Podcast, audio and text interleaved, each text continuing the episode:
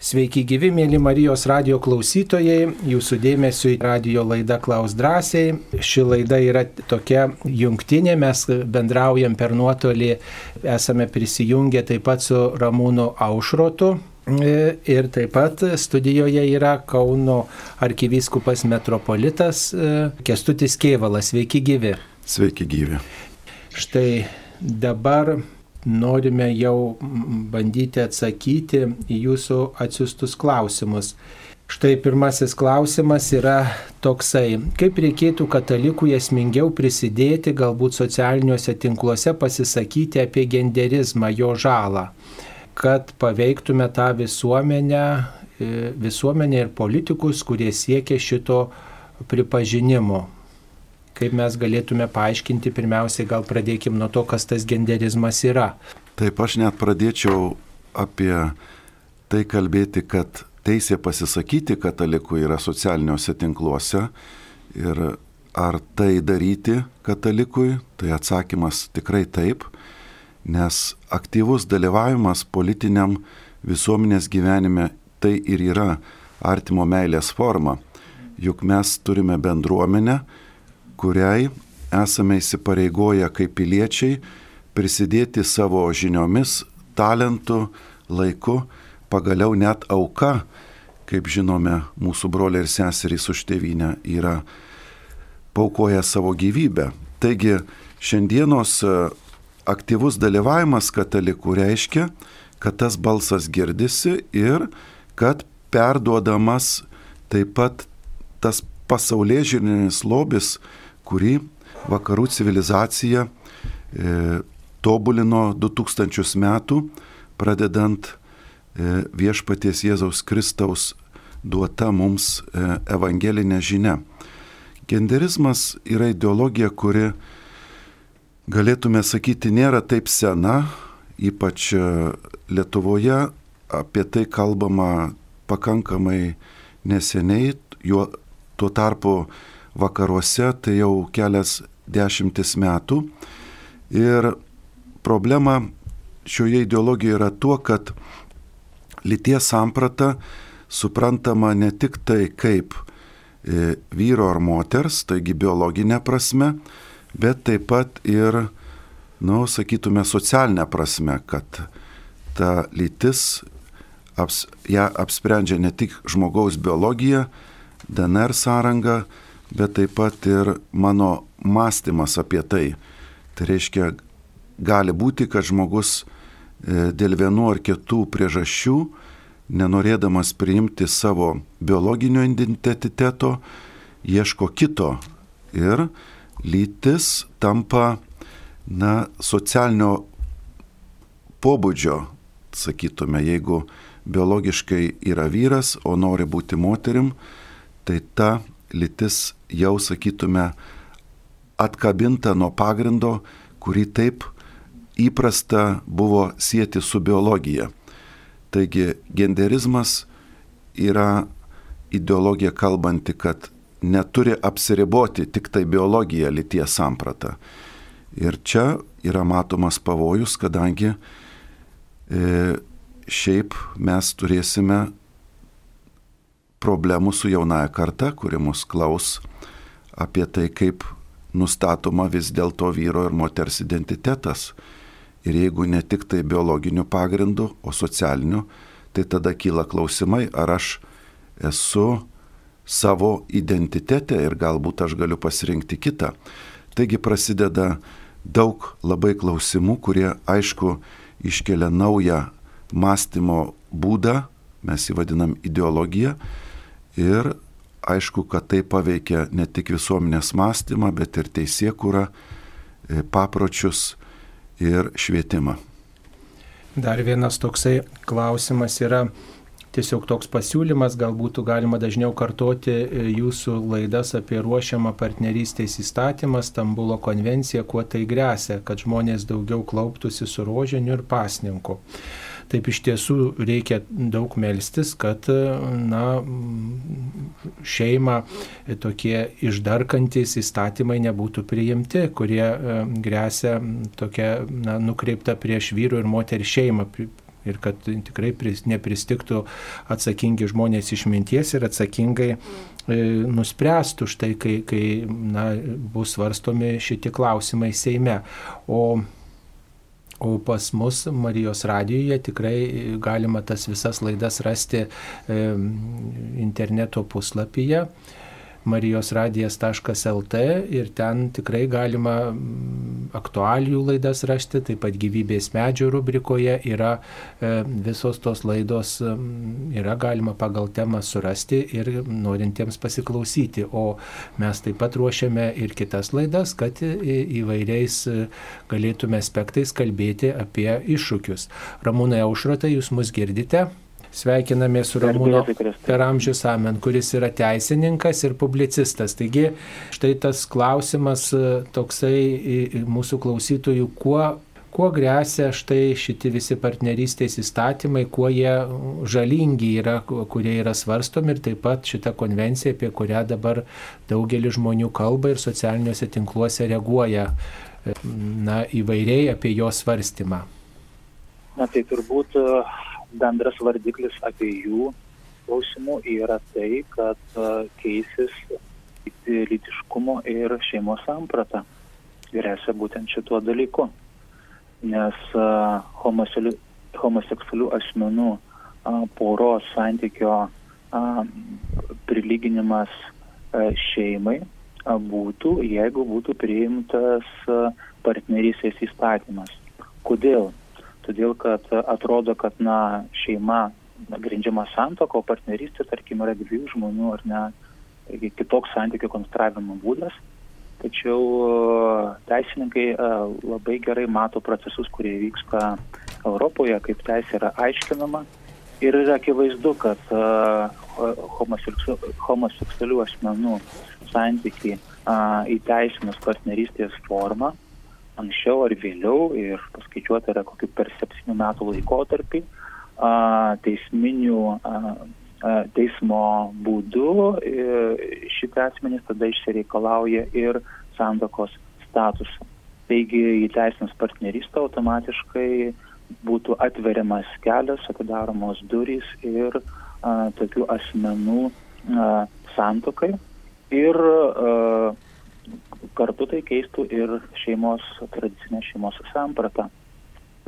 O Stambulo konvencija lygiai taip pat jinai a, įveda, įveda a, na, ten yra labai ko, toks didelis komplikuotas mechanizmas, bet iš esmės jinai įveda galimybę a, lyties tapatybės pagrindų a, formuoti ne vyro ir moters a, a, bipolė, bipolinių modelių grįžta visuomenė, bet uh, lyčių daugio modelių paremta, paremta visuomenė, kur iš esmės tada jau vyro ar moters kaip tokio nebelieka ir turbūt jeigu tokiuose, žiūrint labai labai labai toliai, tai tada, tada atsiranda, na, per tai atsiranda galimybė ir na, net įvairiausių, kiek tik fantazija leidžia formų šeimų sampratų tolimoje ateityje, ne, ne, ne, ne, ne šiemet, ne, ne kitą metą, bet a, kažkiek tai metų perspektyvoje tie procesai gana iš tikrųjų greitai vystosi.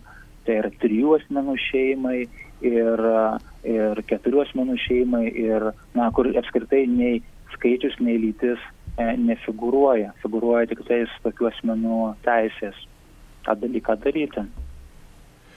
Taip, ačiū. Dar vienas klausimas yra, ką reiškia e, socialiniai lytis, kuo jis skiriasi nuo mums įprastos vyro ir moters lyties. Taip, galbūt e, na, taip. Ramūnai.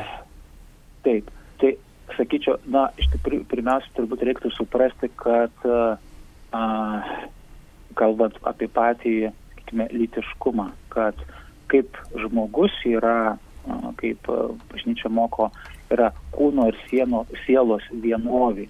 O ir mes nedaliname žmogaus kūną į sielą ir taip pat nelaikome, kaip toks a, arhaiškas platonizmas sako, kad siela yra įkalinta kūne ir kad siela turėtų išsivaduoti. Tai lygiai taip pat kalbant apie lytiškumą, mes krikščionys išpažįstame tokią pilnutinę lytiškumo sampratą, kuri apima tiek žmogaus prigimtį, tiek ir socialinius kultūrinius elementus arba auklėjimo elementus. Ir lytiškumas yra, žmogus gimsta kaip vyras ir moteris ir jis tampa kaip vyras ir moteris. Taigi gender ideologija, jinai sako truputėlį kitaip, jinai sako, kad, a, a, kad vyru arba moterimi tampama. A, ir, arba, ir tampama tuo, kuo nori iš esmės. Tai socialinė lytis yra iš tikrųjų bandymas steigti tokį dualizmą ar padalinti žmogaus lytiškumą į dvi dalis į biologinę dalį ir socialinę dalį. Biologinė dalis determinuojama, tarkim, reiškia, e, gimimu, ar ne, biologija, genetika. Tačiau e, lemiamą žodį šitoje vietoje tarė, reiškia, kultūra, aplinka, kuri, kuri formuoja. Ir tada čia, kai žmogų padalini į dvi dalis, kai atsiranda toks dualizmas, kai atsiranda toks skaidimas, tada galima iš pradėti vesti visokias teorijas. Ir iš tikrųjų gender ideologija neturi, na, savie talpina labai daug visokių teorijų, pradedant nuo to tada, kad galima a, keisti lytį. Iškia, žmogus, kuris ne, neprima savo lyties tapatumo, gali pakeisti lytį ir tapti iš vyro moterimi ir atvirkščiai. Iki to idėjo, kad iki, iki tokios kraštutinės idėjos, kad lytis yra pasirenkama arba lytis yra bet koks mano, a, mano psichinis ar kultūrinis ar socialinis įsivaizdavimas. Tai, bet turbūt pati, pati, pati, pati pradžia yra tai a, asmens skaidimas, skaidimas į dvi dalis, o mes krikščionybėje žmogaus neskaidom, mes žiūrime į žmogų kaip integralią būtybę, kaip a, kūno ir sielos vienovę, lygiai taip pat kaip ir prigimties ir, ir a, aplinkos arba auklėjimo, pabrėžiau turbūt auklėjimo labiau a, šitą žodelį, nes tai yra vartojamas, kalbant apie, apie socialinius litiškumo aspektus, a, irgi vienovė. Ir dar turbūt vienas toks akcentas, kad ne, ne, kas yra pagrindinė determinantė arba ar socialinė kultūrinė aplinka, kuri a, žmogaus litiškumą formuoja, ar prigimtis, a, genetika ir biologija. Tai va šitoje vietoje irgi turbūt a, socialinės lyties apologetai sako, kad na, biologija yra tas, ta genetika ir biologija a, nėra pagrindinė determinantė arba, arba kuri už, užduoda a, a, lytiškumą, bet a, pagrindinė yra būtent aplinka, kuri formuoja ir a, žmogaus paskui tos kultūrinė aplinko iš tikrųjų formuojamas pasirinkimas. Tai čia toks gaunasi paradoksas, jeigu, tarkime, a, homoseksualumo teorija sako, kad žmogumi, iškia, homoseksualiu asmenį gimstama, o netampama, tai gender ideologija iš tikrųjų sako atvirkščiai su savo socialinė lytimi, sako, kad a, vyru arba moterimi tampama, negimstama. Tai toks a, atvirkščia logika ir tam tikrą prasme o, o, homoseksualumo apologetai ne visada sutarė su socialinės lyties apologetai, nes tos išeitinės pozicijos jų, jų skiriasi. Bet taip labai trumpai pasakant, socialinė lytis tai yra nepilno a, padalinto žmogaus lytiškumo samprata, kurią, a, kurią mes turėtume, jeigu kalbant baisniais terminais, laikyti socialinę, socialinę ereziją. Nes žmogus nėra tik tais a, protas, ir, kuris sprendžia, bet žmogus yra ir kūnas. Ir žmogus yra kūno ir proto, kūno ir sielos, sielos vienovė. Negalime mes tų dalykų padalinti. Dar vienas klausimas, kaip reikėtų reaguoti katalikams, kurie yra puolami dėl to, kad pasipriešina ir išsako kitą nuomonę šios konvencijos atžvilgiu. Na, tai turbūt reikėtų e, šios dienos Evangeliją paskaityti. Mylėk savo artimą ir nekesk priešo, rašo šios dienos Evangelija. A, e, o iš, aš jums sakau, sako Jėzus, mylėkite savo priešus ir melskite už savo persikėtojus.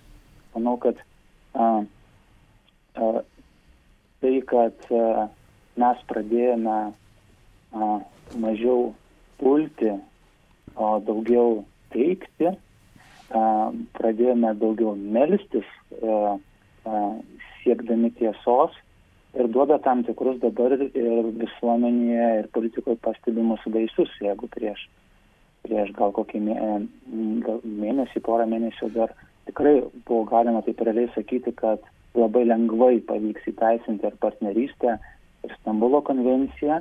Tai dabar, ką aš girdžiu ir politikos kuluaruose, ir viešoje erdvėje, toks jausmas, kad, kad katalikų kai yra prigimtinė žmogaus samprata ir šeimos samprata išpažįstančių pozicijos susilygino su kitos pusės, kad kitokia pasaulyje žiūrė turinčių asmenų pozicija. Ir tas gavosi ne dėka, tarkime, Seimo šturmavimo, įžeidinėjimų Seimo narių, jų puolimų, trukdymų jiems gyventi pagal jų įsitikinimus, bet dėka na, vienybės, e, vienybės, kurią, kurią turbūt davė maldos akcija už šeimą kaip visuomenės ir valstybės pagrindą.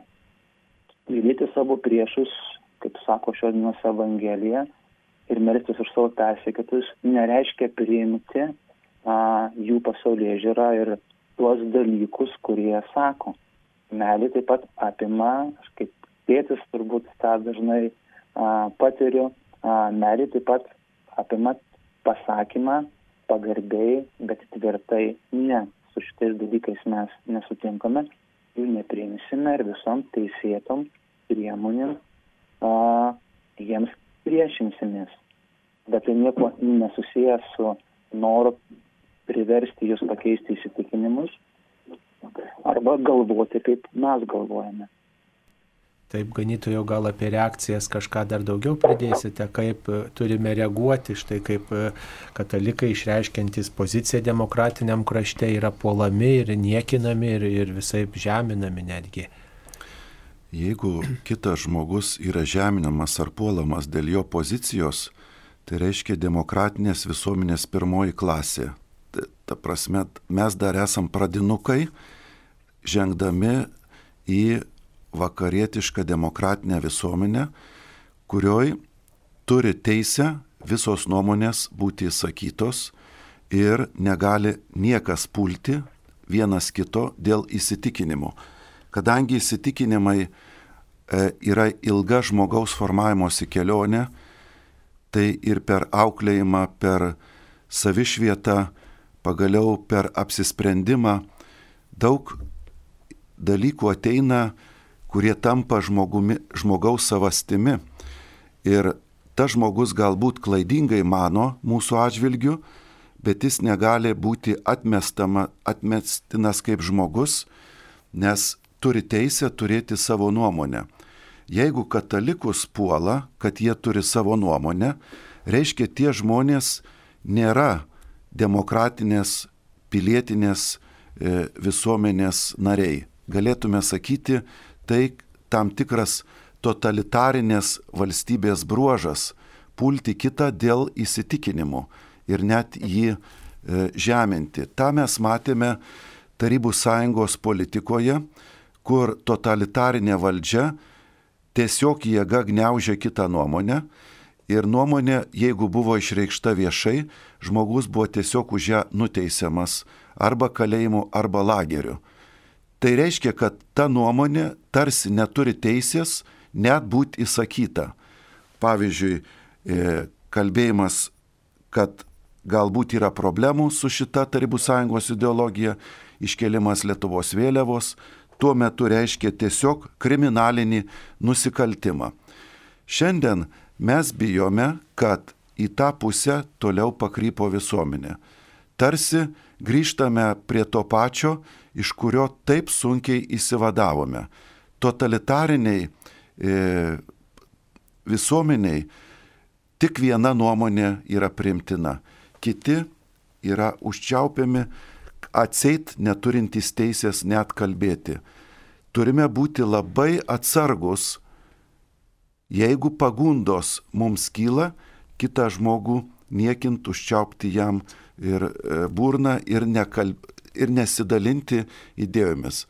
Taip, Gali būti, kad labai priešinga yra mintis iš, iš kito žmogaus, bet aš turiu ją priimti su ta pačia e, sąžinės laisvės e, aplinka, kurią ši demokratinė visuomenė taip nori įtvirtinti.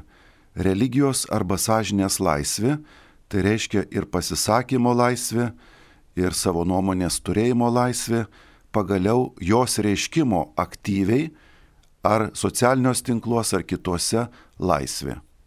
Taip, dabar dar šitą klausimą dar sugrįšime e, e, prie šių klausimų panašios tematikos vėliau, o dabar štai turime truputį iš kitų sričių įvairiausių atsistų klausimų. Dabar einant kryžiaus kelią, nešantis kryžio, ar turi būti su kaukė ar be kaukės.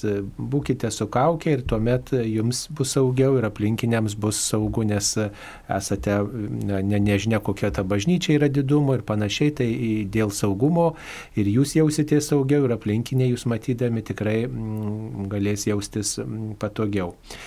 Kovo 19 nebūna pasninko. Ar tai tiesa? Kovo 19, primenam visiems, yra Šventojo Juozapo diena, Šventojo Juozapo Marijos sužadėtinio ir bažnyčios bei šeimos globėjo diena. Taip, tai yra iškilmė ir jeigu jį gavėnios metu yra, net jeigu ir penktadienį, tikrai pasninko nėra. Iškilmės metu pasninko nebūna. E, taip, dabar apie komunijos dalinimą į rankas yra manau, kad tai nepagarba Kristaus kūnui, pasauliečių rankos nepašvestų, šventimus gavo tik kunigai, kaip elgtis, jei nenoriu šventos komunijos imti į rankas, o tik į burną. Na, šiuo metu, pandemijos metu, tikrai labai rekomenduojame nu, tam tikro susiklausimo šiuo atžvilgiu. Viešpats e, tikrai nėra paniekinamas, jeigu jisai priemamas kitų būdų, būtent e, įdedant švenčiausią sakramentą į ranką. Bet jeigu tikrai žmogus jokiais būdais to negali daryti dėl įvairių vidinių įsitikinimų, bažnyčia yra pramačius ir šią galimybę ir tada prašo priimti Euharistiją e, gale, tai reiškia, kad kunigas turėtų galimybę na, dalinti komuniją tik tai tiems e, į burną, kurie jau yra gale ir esant potencialiam užkratui, kad neperdotų kitam žmogui. Aišku, tai yra labai mažo kontakto e, laikas ir greičiausiai tai yra saugu, bet vis dėlto dar saugesnė priemonė yra priimant įdedant šiuo metu į ranką. Taip, tai matot, mūsų nuomonė, tai jeigu bažnyčia kviečia tokios tvarkos laikytis, tai pabandykime vis dėlto įsiklausyti tą mintį, jo labiau, kad tai nėra čia šių laikų įsigalvojimas, pirmaisiais amžiais būdavo sakoma, ištiesk dešinę ranką, į ją įdėk kairę ranką, kad ji būtų tai karaliaus sostas ir tada pagarbiai dešinę ranką paimk šventąją komuniją. Nes ir Jėzus sako, imkite ir valgykite, tai tikrai ir mes tiesiog įsiklausom į tuos žodžius ir ypatingai šiais laikais, kai, kai taip nuspręsta, kad tai yra galbūt saugesnis būdas, tai mes pagarbiai tą darome. Tikrai e, nereikėtų turbūt prisirišti prie savo požiūrio, bet įsiklausyti, nuolankiai įsiklausyti į tai, kas yra į ką esam kviečiami ir, ir rūpintis ne tik savimi, savo savijautą, bet ir kitais žmonėmis, atsižvelgti ir į kitus žmonės. O jeigu jau negalim peržengti jokių savo patirčių ir, ir nuomonių ir, ir supratimo, tai tikrai laukime, kad galėtume e, štai visų priimančių pabaigoje priimti šventąją komuniją taip, kaip mums atrodo tinkamiau arba taip, kaip jinai dalinama bažnyčioje. Dar neturiu magnifikatą ir galiu naudoti praėjusių metų. Taip, e, gal ir galite naudoti ypatingai gavėnios laiku ir didžiąją savaitę, skaitiniai kiekvienais metais yra yra tokie patys tačiau gali ten dieno, dienos skirtis truputėlį, štai kalendorinės dienos. Jeigu norime melstį su, su, su visuotinės bažnyčios ritmu, tai mums truputėlį gali atnešti tam tikrų netitikimų tas naudojimas ankstesnių metų. Tačiau bendrai maldingumo nuostatai tai tinka bet kurių metų naudoti. Taip mums paskambino. Juratė Šiaulių. Taip, Juratė, klauskite jūs eteryje. Per amžius. Taip, klauskite jūs eterį. Turiu e, vieną pasisakymą ir vieną klausimą. Pasisakymas bus ta pačia tema, e, apie tą, reiškia, įstatymą norima primti. E, tas, reiškia, jūsų pašnekovas, kuris kalbėjo telefonu, jisai suprantamai aiškino, bet visą tą mes kažkaip tai tikrai jau žinom, jaunesnioji karta nelabai tuo galbūt domisi reikėtų kažkaip tai labiau dar kol nepriimtas tas įstatymas, reikėtų kažką labiau sutelkčiau e, daryti, kad jis iš tikrųjų nebūtų priimtas. Ir apie tą genderizmą, tai čia dar nėra ta bėda. Esmė tai, kad ta Stambulo konvencijoje, vad būtų labai gerai, nes daug kas klauso Marijos radijo, kad žmonės e, vyresni, jeigu jie neturi interneto ar nemoka, paprašytų savo artimųjų, kad internete pasižiūrėtų yra Davido Norkūno Facebook'e. Labai gera medžiaga, ten taip yra viskas išnagrinėta ir taip aiškiai viskas pasakyta, e, kas yra slepiama po tuo vadinamu moters ten, kad reiškia smurto neva smurtas, bet po tuo viskas pakišama, kas bus daroma, kaip bus auklėjami vaikai mokyklose, kaip jie, reiškia, tėvai praktiškai praras teisės į savo vaikus, jeigu mes priimsim Stambulo konvenciją, kad važinės tie ekspertai tikrint, kaip bus vedamos pamokos ar, reiškia, seksualumo pamokos bus privalomas, ar taip yra daroma, kaip yra pagal Stambulo konvenciją. Ir praktiškai tėvai į savo vaikus nebeturės jokių teisų. Tai vad pasakau dar kartą Dovydas Norkūnas, kad kas galit, kad paklausytumėt. Ir čia, manau, reikėtų bet kadangi viskupas yra jūsų laidoj, tai nežinau, manau, kad tikrai reikėtų kažką daryti, kol dar kovo vidury, kovo 10 prasidės įmė sesija ir jie matom, kad skubos tvarka visą tą nori daryti, priimti, tai kažkaip reikėtų sutelkčiau bažnyčiai. Ir pavyzdžiui, kunigo Toliato pagrindinė galbūt klaida ir buvo, kad jisai dalį savo to įrašo ištrynė reikėjo netrinti. Jeigu mes esam katalikai, kodėl mes turėtumėm bijoti? Mes matom, kad jie lipa mum ant galvų.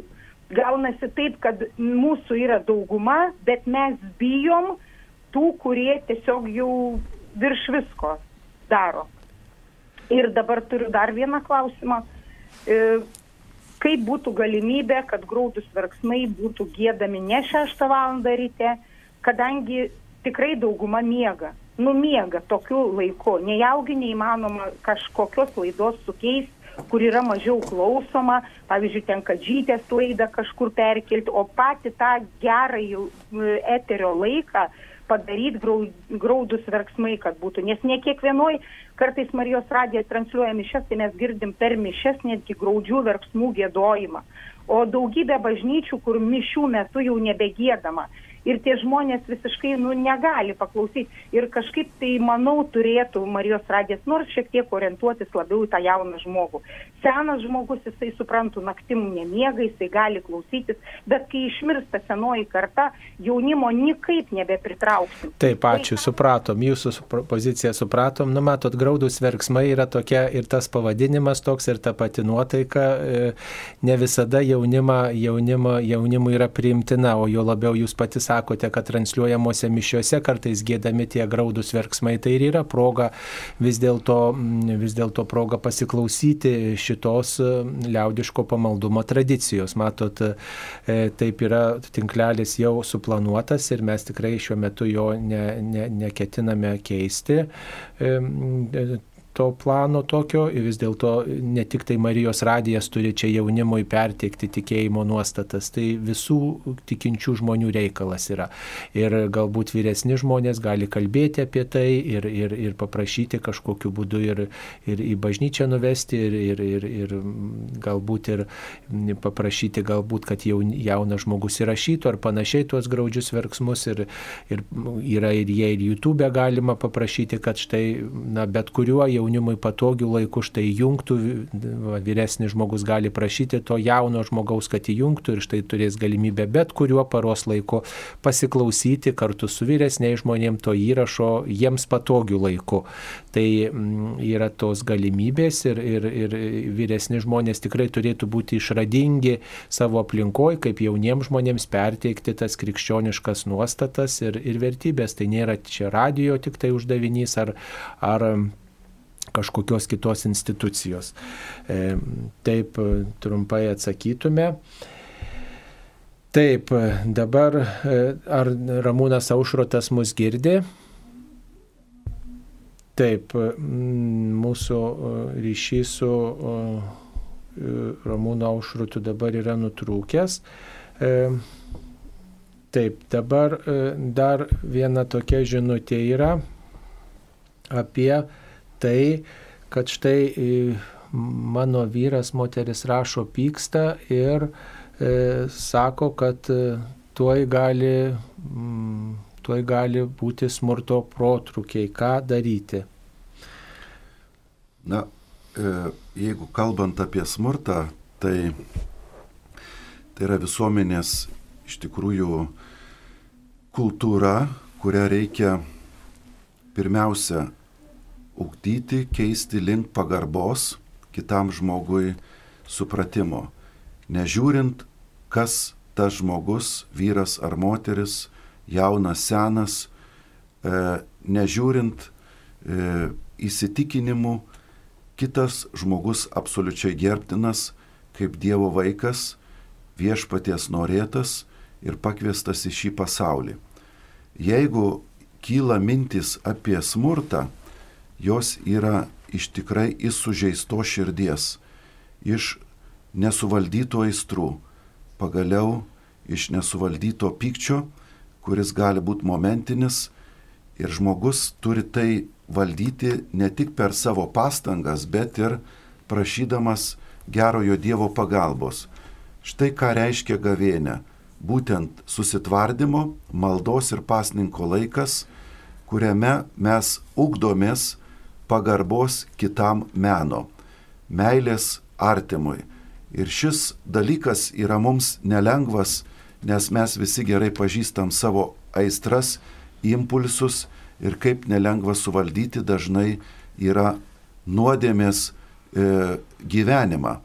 Todėl gavėnę turime pasinaudoti kaip treniruočių laiku, kiekvieną dieną padarydami vieną ar kitą pasirežimą, o visam laikotarpiui troškimą išreiš, ką aš sėkiu, ko noriu gyvenime pakeisti, kad, pavyzdžiui, smurto ar kitam žmogui niekinimo nuotaika būtų manyje įveikta.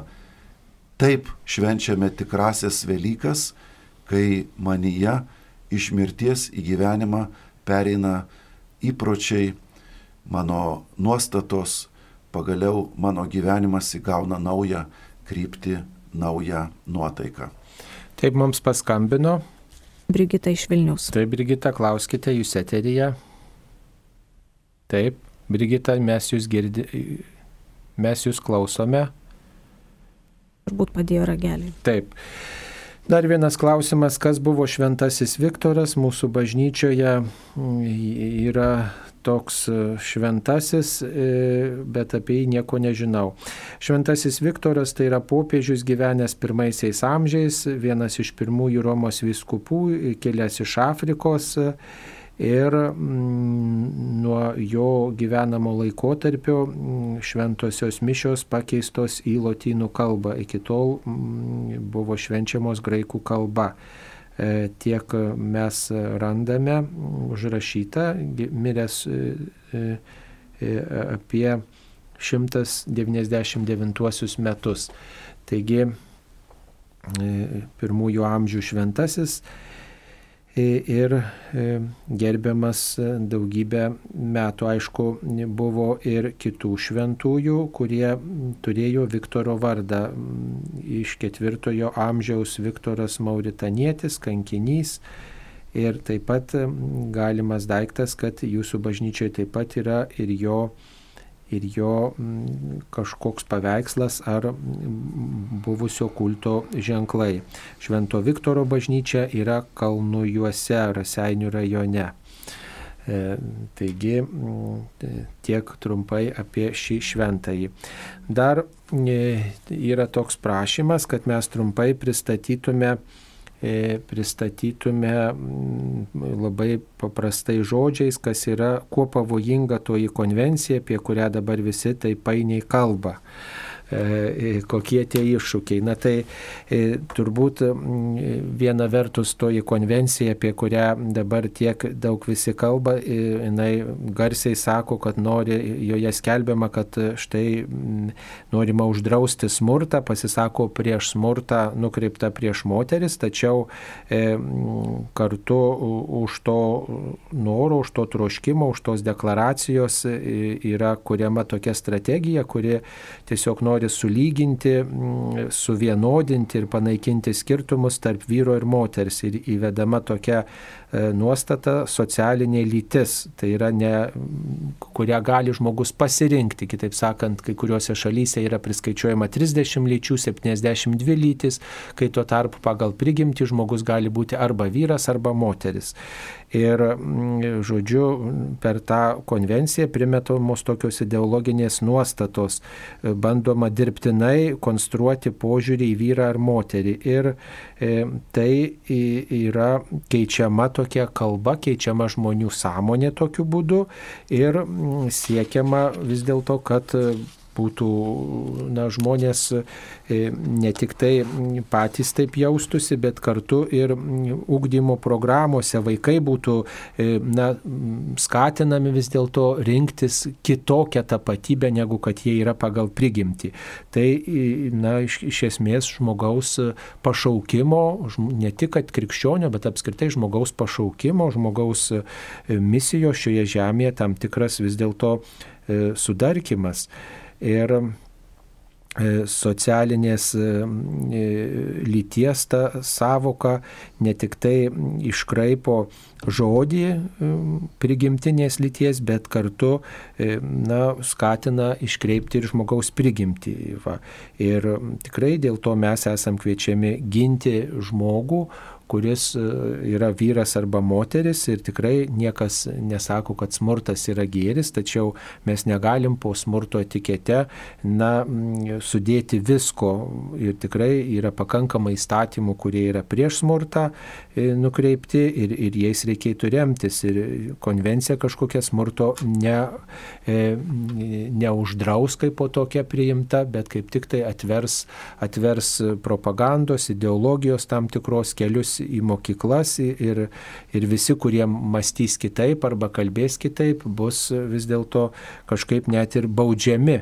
Tai, tai štai kuo grėsia toji konvencija ir dėl to mes esame kviečiami vis dėlto nepritarti e, ir išreikšti savo poziciją įvairiais leistinais būdais demokratiniam šaly. Viskupė nebent ką pridėsite.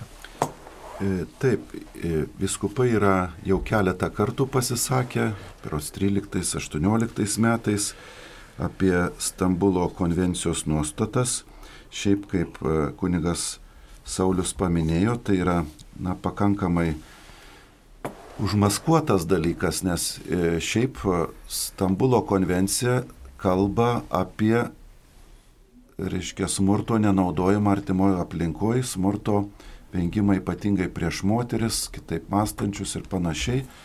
Tai labai, sakytume, puikus geri dalykai. Tačiau kai mes matome e, Stambulo konvencijos apibriešti, kad lytis tai socialiai susiformavę vaidmenys, elgsena, veikla ir bruožai, kuriuos tam tikra visuomenė laiko tinkamais moteriams ir vyrams, e, sumaišo, e, sakytume, tai su supratimu, kad vis dėlto lytis tradiciškai suprantama kaip ta, kurią lemia žmogaus biologija, o ne tik tai socialiai susiformavę vaidmenys.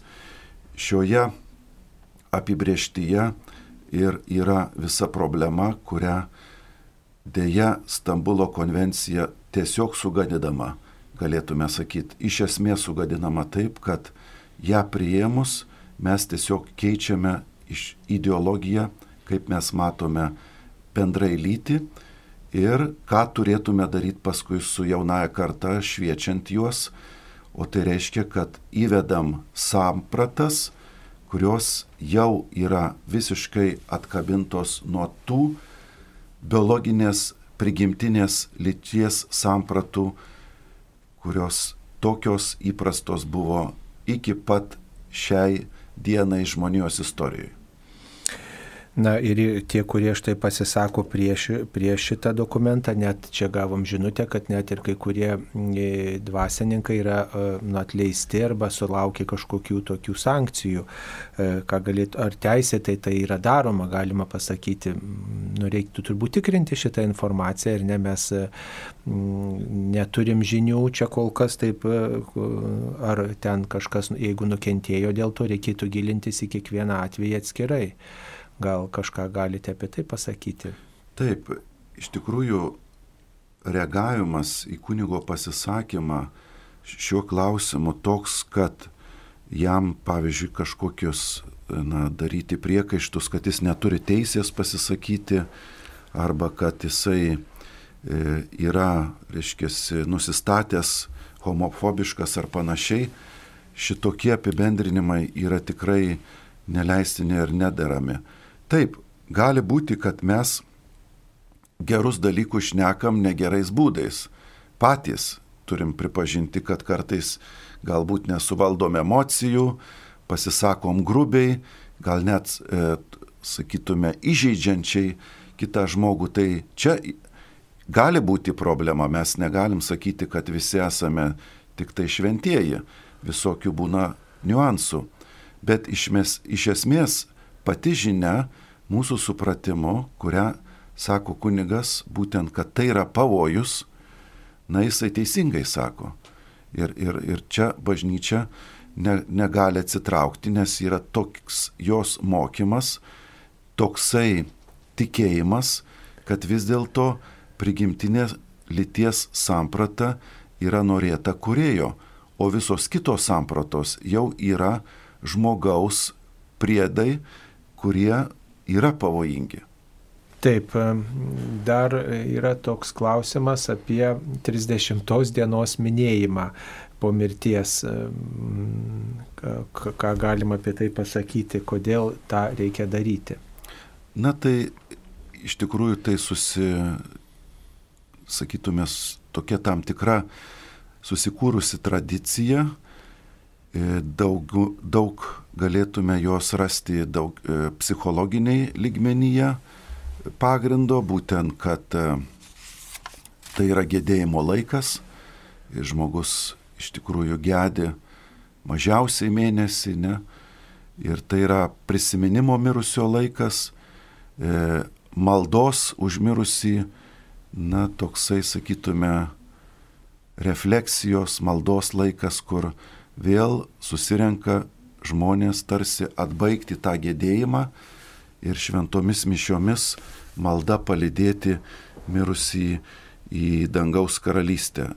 Pati mirtis visiems dažnai būna šokas, tai ta malda yra kartu taip pat paveikta to gedurlio ir liūdėsio. Po 30 dienų mes tarsi vėl iš naujo prisimindami tą laiką gėdėjimo atbaigėme. Taip mums paskambino. Brigita iš Vilnius. Tai Brigita, klauskite jūs eteryje. Garbėjas Zukristus. Per amžius. E, jūsų ekscelencija, kestuti kėvalai, e, kes, kunigė Sauliau, tiesiog dėkoju Dievui, kad Lietuvoje yra tokie kunigai. Labai žaviuosi jumis ir, ir kiekvienas jūsų žodis man tiesiog stringa. E, dabar aš noriu e, pasakyti ir paprašyti. Gyvenu viena, kiekvieną rytą darbo dieną būna 7 val. dikmetinė malda. Anksčiau buvo su sesėmis benediktinėmis, dabar, dabar yra kitaip. Ir gana dažnai e, ta laida pavėluoja. Pavyzdžiui, vakar tai net virš 15 minučių kažkaip, kažkaip gal galima būtų grįžti prie sesijų benediktinių, nes jau jų regula tai tokia, kad turbūt nebūtų tokių dalykų. Tai mano būtų toks prašymas, o aš linkiu jums Dievo palaimos, kad duotų jums dievo, Dievas išminties ir toliau darbuotis su Dievu. Taip, sudė, ačiū už jūsų pasiūlymą. Numatot, e, e, paprastai benediktiniais gėda liturginės valandas ir e, kartais ryte, žinot, tas gėdojimas ir pačios sesės kartais sako, balsas miega, ne visada yra toks, kokį mes norėtume tą balsą girdėti ir, ir žiemos metu ypatingai būna daug tokių ir žinot, ir susirgusių sesių, ir truputėlį tas balsas tiesiog koščioje sesės dažnai, tai tiesiog, nu, taip sutarim, kad sklandesnė ta transliacija yra dienos metu ir, ir taip pat vakarinės maldos metu, e, na, tuomet balsas yra pabudęs ir geriau per Marijos radiją girdimas. E, tai tiesiog taip buvo sutarta, kad melsis operatoriai ar, ar kažkas, kas tuo metu gali, yra radijoje ir pasimels ritmetinę maldą. E, kai kurie žmonės sako, kad negali melstis su seserimis benediktinėmis, nes tas gėdojimas e, nėra girdimas, nėra suprantama tie išgėdami žodžiai aiškiai. Tai čia, žinot, yra įvairiausių nuomonių, tiesiog mes bandome įvairius variantus, kad viena vertus būtų ir iš bendruomenės, vienuolinės bendruomenės, kuri reguliariai meldžiasi, o kita vertus bandome ir, ir patys melstis taip, kaip galime, nes liturginės maldos, liturginės valandos nėra tik tai vienuolynų turtas, yra ir visi pasauliečiai, ir kunigai kviečiami jomis melstis. Tai džiugu, kad mūsų ir operatoriai sutinka ir mielai meldžiasi šiomis maldomis ir tada visi gali labai aiškiai suprasti, labai aiškiai girdėti ir, ir tiesiog melstis kartu arba suprasti, klausytis štai, kai meldžiasi vienas ar kitas vienas ar kitas e, e, besimeldžiantis žmogus prie Marijos radio e, mikrofonų. Taigi, taip atsakytume. Dar vienas klausimas yra apie tai, ar negalima reikalauti surenkti referendumo dėl konvencijos ratifikavimo. Ar Ramūnai Aušratai mus girdite? Taip, Ramūnas Aušrotas mus girdi ir netrukus pabandys jis atsakyti.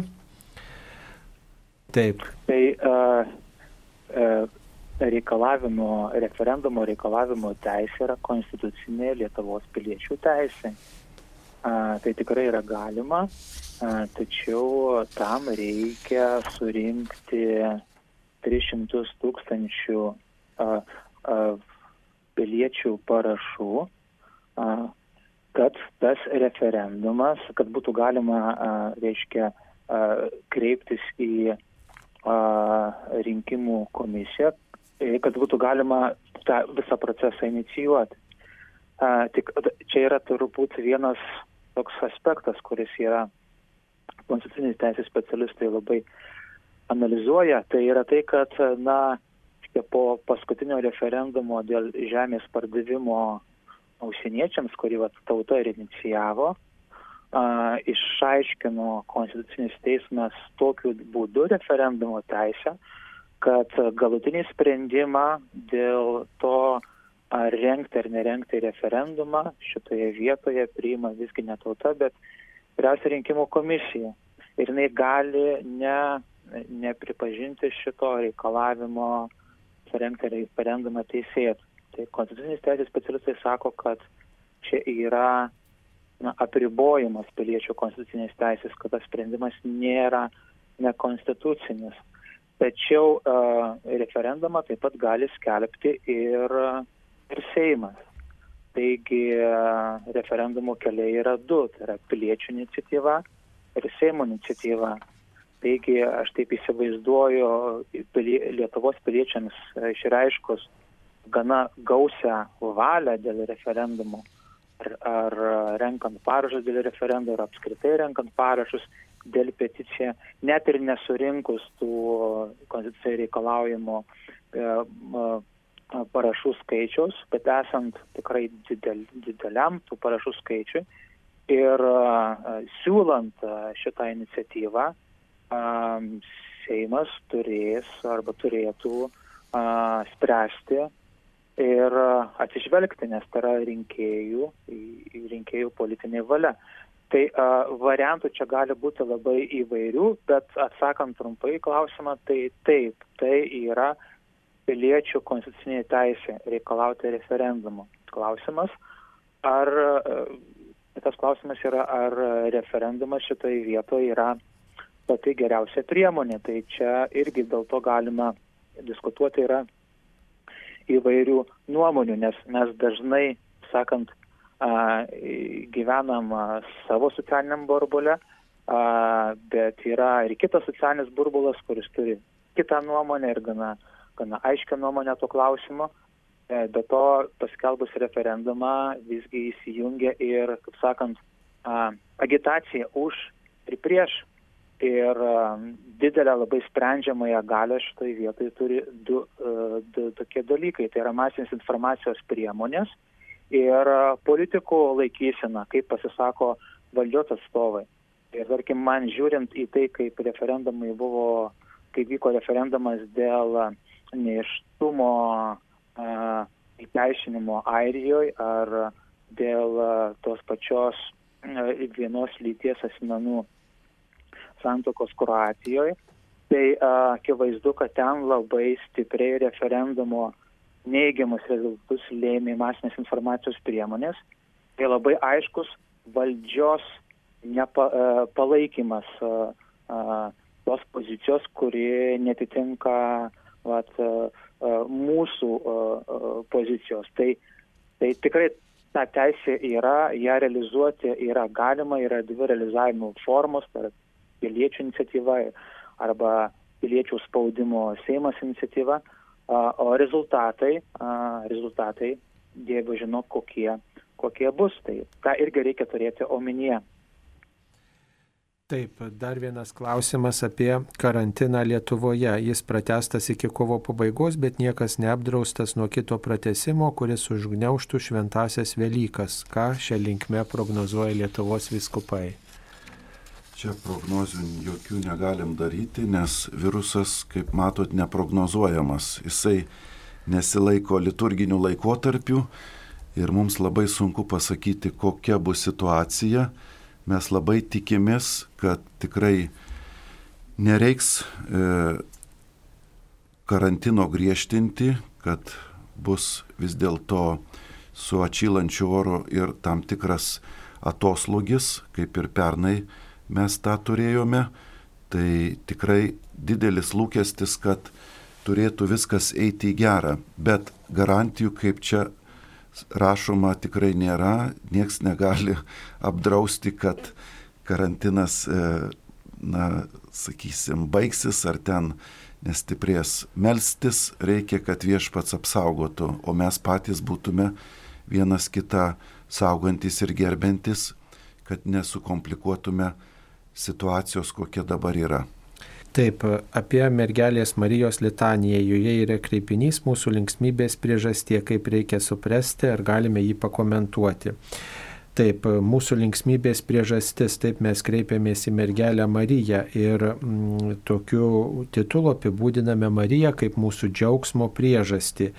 Ir toks apibūdinimas remiasi ta tiesa, kad Marija vis dėlto ištarė Taip, kai kreipėsi angelas į ją ir pasakė, štai aš viešpaties tarnaitė, tebūnė man pagal tavo žodį. Ir Marija priėmė žodį, joje įsikūnijo Dievas ir štai Marija yra Dievo motina. Ir tokiu būdu Marija parodė, kad saugo savo gyvenime, savo širdį visus žodžius ateinančius iš Dievo ir atsiliepia Dievo valią vykdo, bendradarbiauja Dievo malonėje ir tai teikia džiaugsmo ne tik tai jai, bet ir visiems mums, kurie štai esame e, dalininkai tos mergelės Marijos ištarto žodžio ir jo apsisprendimo, jos apsisprendimo.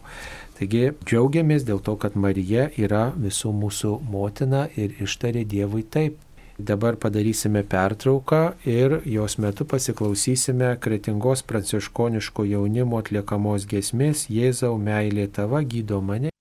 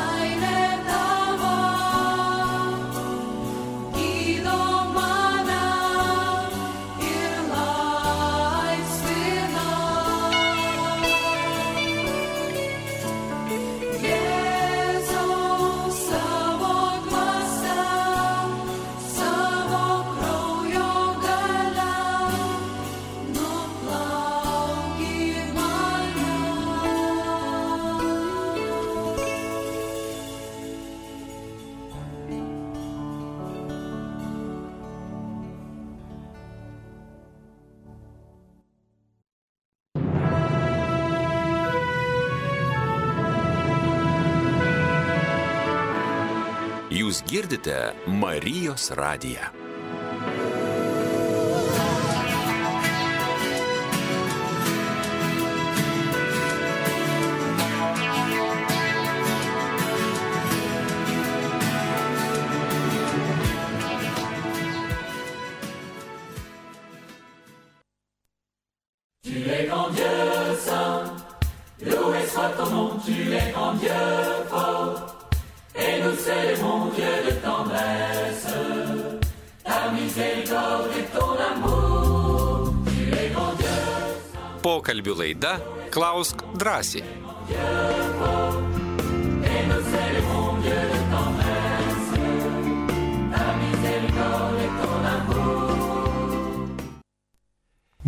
Marijos radio klausytojai, tęsėme laidą Klaus drąsiai. Šiandien laidoje dalyvauja Kauno arkivyskupas metropolitas Kestutis Kievalas ir taip pat e, nuotoliniu būdu prie mūsų prisijungęs Ramūnas Aušrotas, teisininkas ir publicistas, kuris e, štai domisi pastarųjų dienų aktualijomis ir e, visuomeniniu gyvenimu domisi. Pasakykite kažką apie konvenciją, kuri mane verčia iš kojų, ar tikrai tikybos mokytojai mokyklose yra profesionalūs, išdėstantis jaunuomeniai pagrindinės vertybės. Gal ramūnai mus girdite ir galite kažką. Taip. Trumpai tai, gal dar kartą priminkite, kas, kodėl ta Stambulo konvencija verčia mus iš koto. Trumpai. Tai e, daug dalykų yra, kurie turbūt e, leidžia mums sakyti, kad verčia mus iš kojos. Tačiau e, turbūt vienas iš tokių pagrindinių dalykų, kuris, nu, taip tiesiog ir akivaizdžiai matosi, ir kuris mane asmeniškai kaip vyra verčia iš kojų, tai pasakymas, kad e, smurtas prieš moteris yra susijęs su smurtu dėl lyties Kitaip tariant, kad vyrai smurtauja prieš moteris dėl to, kad jinai yra moteris. Šitas mane kaip vyra tiesiog verčia iš kojų. Ir kalbant apie Stambulo konvencijos, tarkime, padarinius Lietuvai, tai galima skirti tos, e, e, reiškia, e, akivaizdžius pirminius padarinius, kuriuos sukels konvencija ir tokius tolimesnius, kurie nelabai matosi. Tai va šitas pirmasis padarinys a, kalbant apie švietimo sistemą, yra labai akivaizdus, kad paleidus konvenciją bus akivaizdžiai dėgiama paradigma, kad smurto prieš moterį priežastis yra neigiamas vyrų nusistatymas moters atžvilgiu. Ir kitaip tariant, labai didelė tikimybė, kad kalbant apie smurto įveika na, bus iš tikrųjų taikomas vyrų viktimizacijos metodas. Ir jau neteko man girdėti iš nevyriausybinio organizacijų, kad jos tik ir laukia su Stambulo konvencija ateinančio finansavimo, kad galėtų eiti į mokyklas ir kalbant apie stereotipus, e, vat, dekonstruoti šitą, reiškia, reiškia, šitą stereotipą iš tikrųjų naują ir, ir formuoti ir kartu, kartu tada bus iškreiptai, šitas iškreiptas požiūris į smurto ir susiaurintas požiūris į smurto priežastis, tikrųjų neleis spręsti realių smurto prieš moterį problemų. Tai, tai vat, šitas turbūt toks vienas iš pirmųjų ir tiesioginių konvencijos ratifikavimo Lietuvoje padarinių. Iškia, reikalavimas, kad švietimo sistemoje būtų aiškinama, jog smurto prieš moterį priežastis yra iškia, vyro nusistatymas moters atžvilgių neigiamas. Tai tikrai su tuo dalyku, na, turbūt neturėtume mes, mes sutikti. Taip, o dabar dėl tikybos mokytojų, ar tikrai mok, tikybos mokytojai mokyklose yra profesionalus ir jaunuomenė išdėstys pagrindinės vertybės ir pavojus susijusius su šiuo klausimu? Na tai pirmas turbūt dalykas aš net negaliu komentuot e, tikybos mokytojo kompetencijos ne mano yra sritis. Aš tik galvoju kad e, kalbant apie lytiškumo ugdymą mokytojai atlieka antrinę funkciją. Tame tai lygiai taip pat ir tikybos mokytojai atlieka antrinę funkciją. Lytiškumo ugdymas prasideda šeimoje šeimoje jis vadinamas lytiniu lytiškumo ly lytiniu auklėjimu ir tai yra pirminė tėvų atsakomybė padėti vaikams e, lytiškumo pagrindus, parodyti lytiško žmogaus tikslą, parodyti lytinių santykių tikslą. Tai, tai galutinis tas tikslas tai yra šeimos sukūrimas ir, ir, ir, ir vaikai teikiantys, teikiantys, teikiantys džiaugsmą. Tai, tai turėtų prasidėti šeimoje ir, ir turbūt mokykla to neturėtų pakeisti, bet tik turėtų papildyti. Aš nežinau, ar tikybos mokytojai yra tie mokytojai, kurie turėtų uh, na, pagal programą jiems kaip ir turbūt nepriklausytų kalbėti apie Stambulo konvencijos pavojus ir grėsmės, bet jiems, kiek man yra žinoma, yra privaloma kalbėti apie tą krikščionišką antropologiją paremtą lytiškumo sampratą. Tai tą jie ir turėtų daryti ir esu įsitikinęs, kad jie yra ruošiami ir, ir moka tą dalyką daryti.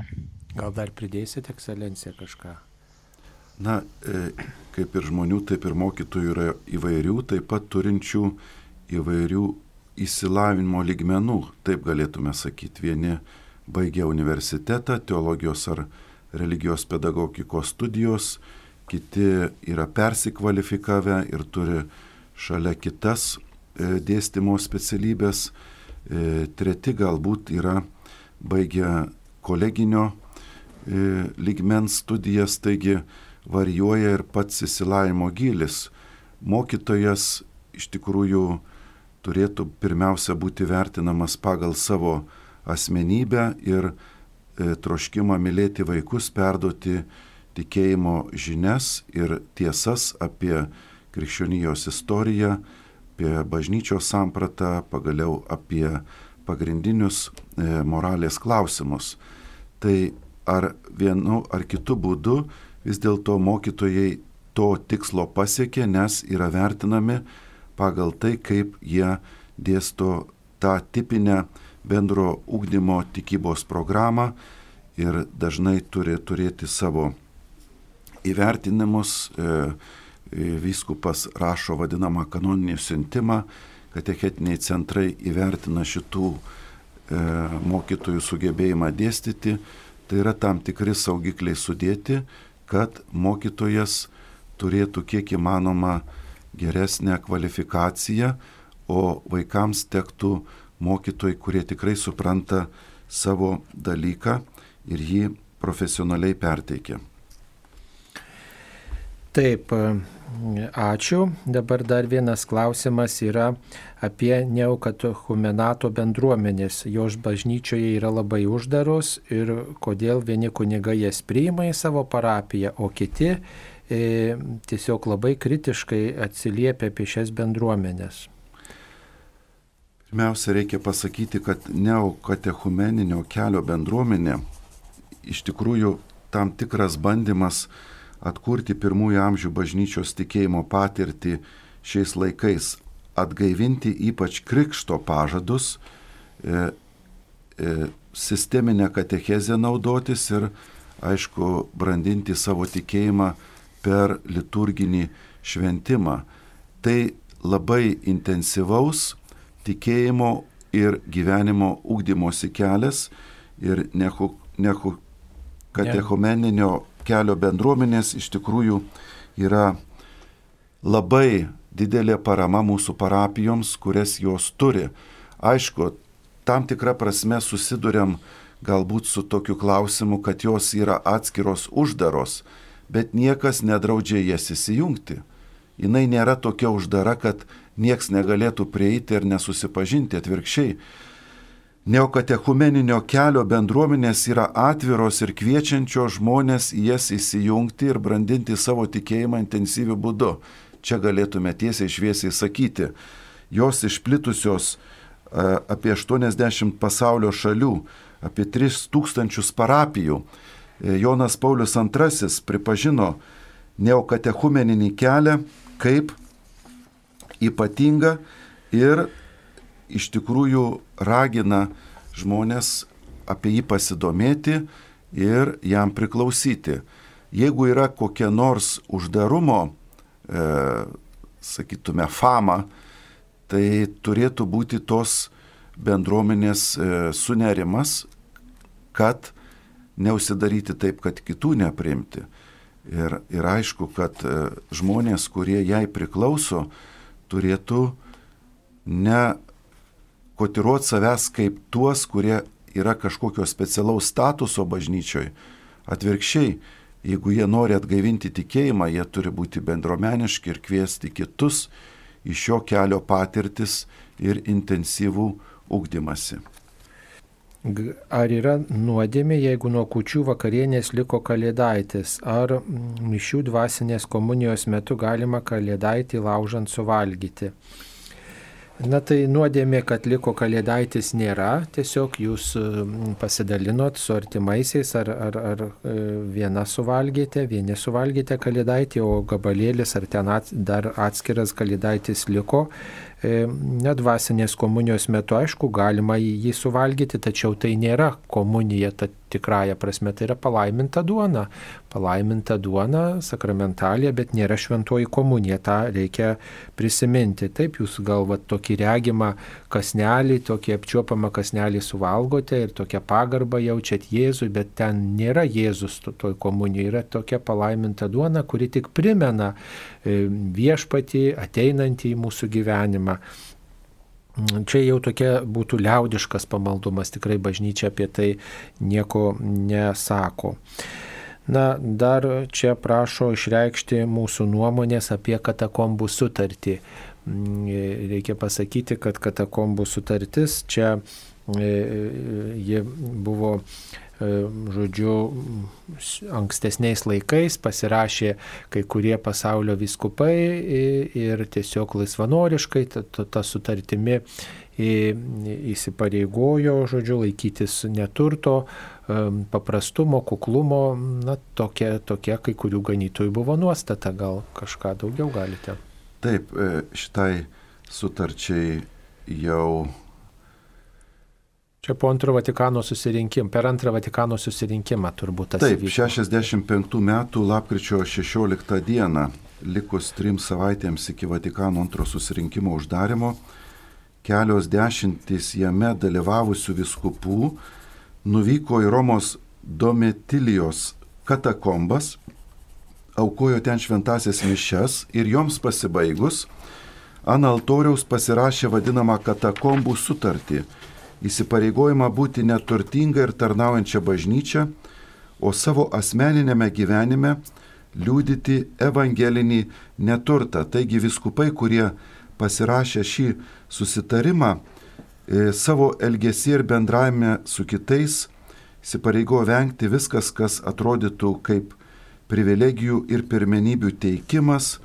turtingiesiems, galingiesiems, vengti pataikauti kitų tuštybei, pasižadėjo savo protą, laiką ir širdį bei sugebėjimus skirti ganytojiškai tarnystėje žmonėms, ypatingai palaikyti pasauliečius, vienuolius, kunigos diakonus, kurie tarnauja vargstantiems žmonėms, remti labdaros organizacijas, siekti, kad turtingiai politinę valdžią e, tarnautų teisingumui, lygybė ir harmoningai bei E, žmogaus ir visuomenės e, vystimuisi. Tai čia buvo tokia laisvanoriška sutartis e, antro Vatikano dvasios pažadinta, nemažai viskupų pasirašė ir tokiu būdu išreiškė solidarumą su ta nuotaika, kuriame antro Vatikano mintis ir kilo būti tarnaujančia, skelbiančią bažnyčią, ta, kuri iš tikrųjų pirmaisiais amžiais nepaprastą proveržį padarė kultūroje ir suformavome naują vakarų civilizacijos kryptį. Tai šiandien taip pat ši katakombų sutartis primena apie Vatikano dvasę ir reikalą nepamiršti, kokios yra mūsų šaknis bažnyčios. Taip, aukštosios panemunės bažnyčios ir Aleksoto bažnyčia yra Kauno mieste, bet nepriklauso Kauno arkiviskupijai. Atrodo kažkiek neįprastai. Ar numatoma permainų peržiūrint viskupijų ribas? Na žinote, viskupijų ribos e, yra šimtamečių tradicijų pasiekmė.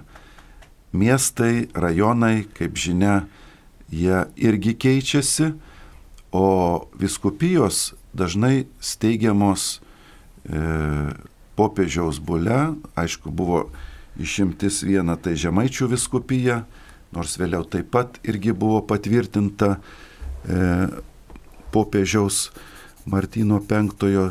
Vienu žodžiu, tai yra istoriniai dariniai ir kai ji įsteigiama, stengiamasis jos ribų laikytis. Dažnai tai yra susiję ir su geografija to krašto. Pavyzdžiui, Kauno arkiviskupija ir Vilkaviškios viskupija skiria Nemunas. Ir tas Nemunas toliau laikomas pagarboje šioje skirtyje. Istorinė riba tiesiog. Istorinė riba ir kadangi e, Nemunas tokia labai aiški riba ryški, ją mes ir po šiai dienai naudojame. Ir aš manau, kad yra labai gražu, kad į Kauno miestą įeina dvi net viskupijos. Kartais būna, kad pavyzdžiui parapija sueina dvi savivaldybės. Ir, ir kągi, dviejų savivaldybių žmonės priklauso vienai parapijai. Tai kai kur sutampa, kai kur nesutampa e, civilinės ir bažnytinės ribos.